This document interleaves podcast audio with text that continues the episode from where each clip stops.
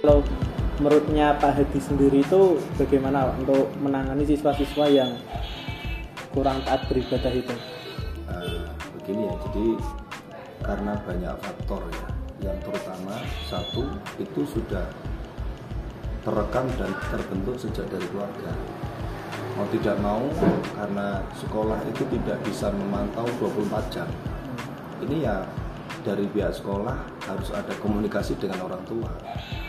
Karena apa? Rekam jejak orang tua itu yang apa intensitasnya lebih banyak terekam oleh anak. Nah, zaman sekarang juga kayak gitu. Jadi kalau dalam istilah apa itu istilah psikologi agama itu mafil aba fil abna apa yang melekat pada diri orang tua itu satu secara hereditas akan menurun secara genetik yang kedua ya juga akan menular karena itu sudah jadi semacam apa ya contoh setiap hari. Hmm. itu jadi faktor keturunan iya. Yang kedua orang tua sudah tidak beres dalam memberikan usul atau contoh. Ya satu satunya cara saya sendiri kayak gitu menangani anak sing sholat tanggal ketika saya panggil itu satu ternyata saya tanya tuh tidak bisa sholat? Kok tidak kok sholat? Satu tidak bisa sholat pak jadi dia itu banyak bacaan yang belum beres. Nah terus orang ngaji? Tidak ngaji pak. Ngajinya sama siapa? Tidak tidak ngaji. Terus saya tanya kakaknya ngaji? Tidak ibunya? Tidak berarti sekeluarga tidak bisa ngaji? Kayak gitu. Jadi memang satu lingkungan keluarga itu paling menentukan. Karena sekolah segencar apa pun kalau keluarganya sudah sejak TK sampai oh, kecil ya sampai usia SMK ya mau tidak mau ada komunikasi proaktif dari orang tua. Nah, nanti ada semacam tugas di rumah yang dipantau dari sekolah secara berkala. Itu kalau kemarin saya dengan Pak Miftah, Pak Usin itu ada semacam jurnal sholat di rumah. Ya mbuh ngapus di poros yang jelas anak sudah terbeban secara moral ada harus ngisi tiap harinya. Tapi lumayan. Kalau tidak itu. Terus kalau lama kelamaan tidak melaksanakan sholat itu dampaknya nanti gimana Pak untuk anak tersebut kehidupan selanjutnya atau ini bahayanya ketika tidak pernah sholat satu dia jelas dia tidak ter, nyaris tidak pernah wudhu itu padahal apun ya khasiat wudhu itu sudah sudah teruji ya. ketika dipraktikkan dengan betul dan istiqomah itu adalah uh, pengaruh ke psikologinya anak itu ya. anak cenderung fresh kemudian wajah kira kesawang. Wih apa sangar apa begini yang kedua jelas sholat itu kalau dalam rumus tanda ayat fasal sholat itu kalau di sholat saja belum yang lain ya. Jika sholat itu sudah tertanam sejak kecil ya, sudah terbiasakan dan dilakukan dengan benar artinya apa? Mulai dari dia bersuci syarat tubuhnya ditetapkan. Itu ada pengaruh tetap ada pengaruh belum lagi tambah filosofi gerakan mulai dari takbir ada. Nah, khawatirnya kalau betul-betul tidak lost dong. Ini anak akan muncul semacam gejala kering spiritual.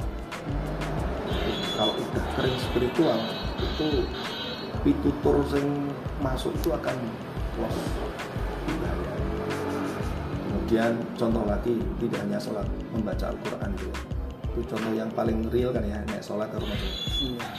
anak kalau sudah tidak baca Quran sehari saja apalagi sampai berkali-kali itu setiap ayat yang ada Quran punya apa siri sudah menjadi riset.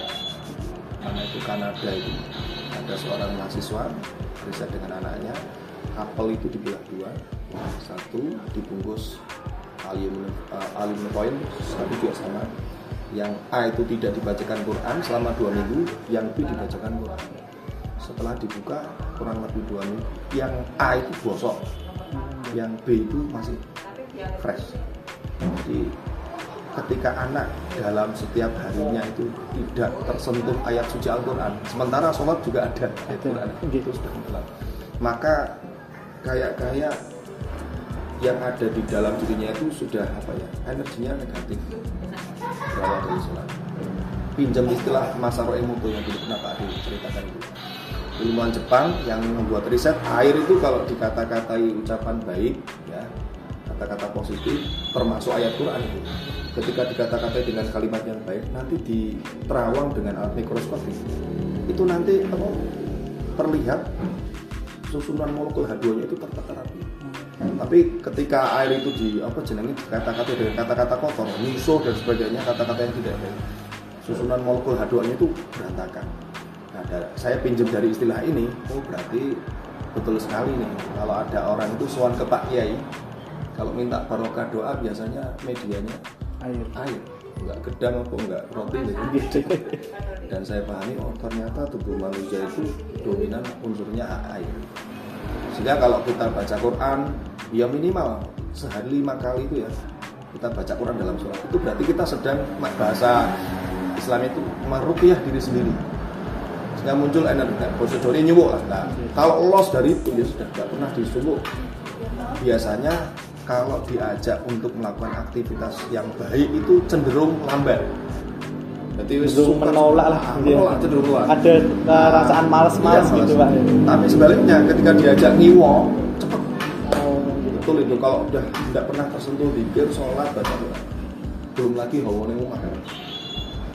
Nabi bilang bersabda nawiru bilakum iqra'atil Quran. Cahayailah terangilah rumahmu dengan sholat sunnah dan baca Quran. Betul. Karena gue tes sana sampean duwe bayi cilik rumah kok orang tahu itu?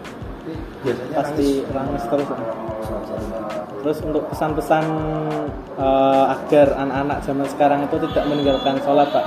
Ya. Mungkin ada pesan-pesannya gitu. Karena agama Islam itu agama menurut saya yang paling apa ya paling ilmiah. Paling ilmiah karena bersumber kitab yang masih ori satu-satunya kitab yang masih ori itu ya Islam itu Al-Quran. Dan disampaikan turun temurun dengan maroji atau referensi yang mutasil dari ulama-ulama sampai sahabat sampai nabi. Maka satu-satunya jalan supaya kembali kaya wong Islam lumrah lah. Mau tidak mau ya anak-anak itu harus mendekat pada ulama. Sering dengar mau itu. Nabi pernah tahu kayak gini. Ya Ali ida ata al ini arba'u nasubahan walam yujali silulama kosa kolbu wa jasara al kabair. Hai Ali ketika ada seseorang yang beriman ini sudah beriman nih malah ya 40 hari 40 hari terlewatkan tanpa cangkruk dengan ulama di urip 40 dino rata ngaji. Belas enggak pernah mau itu entah itu secara langsung tatap muka ataupun ya kayak ngaji kusbah kalau Oke. ngaji gitu. Belas enggak pernah kupingnya enggak pernah dengan mau itu yang cepat muncul itu apa? Hatinya keras. Kalau hatinya keras karena tidak pernah dengar nasihat maka cenderung mudah melakukan dosa besar sehingga usul saya itu maksudnya kegiatan mahasiswa sing bersifat rohani itu juga lakukan tapi yang moderat yang moderat kemudian ajak mereka supaya masuk dengan jalur yang benar. Ya itu satunya. Terus sambil dinasehati ya yang yang lain sing wis bener ya melu ngeleke Uh, soalnya bocah ngono biasanya usia mahasiswa uh, kayak cuek agama wifi cuek apa sih Pak. Nanti kalau sudah pikirannya kan nanti uh, nek wis tuwa engko nyong. Rata-rata seperti itu. Iya. Ya pak ya matur suwun. Kami sami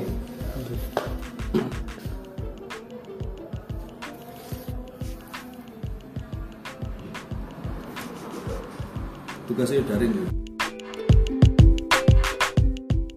Baik, terima kasih. Itulah podcast saya, Mo Iqbal Maulana dengan Bapak Ustadz Hadi Wibowo, guru SMK di salah satu kabupaten Pekalongan.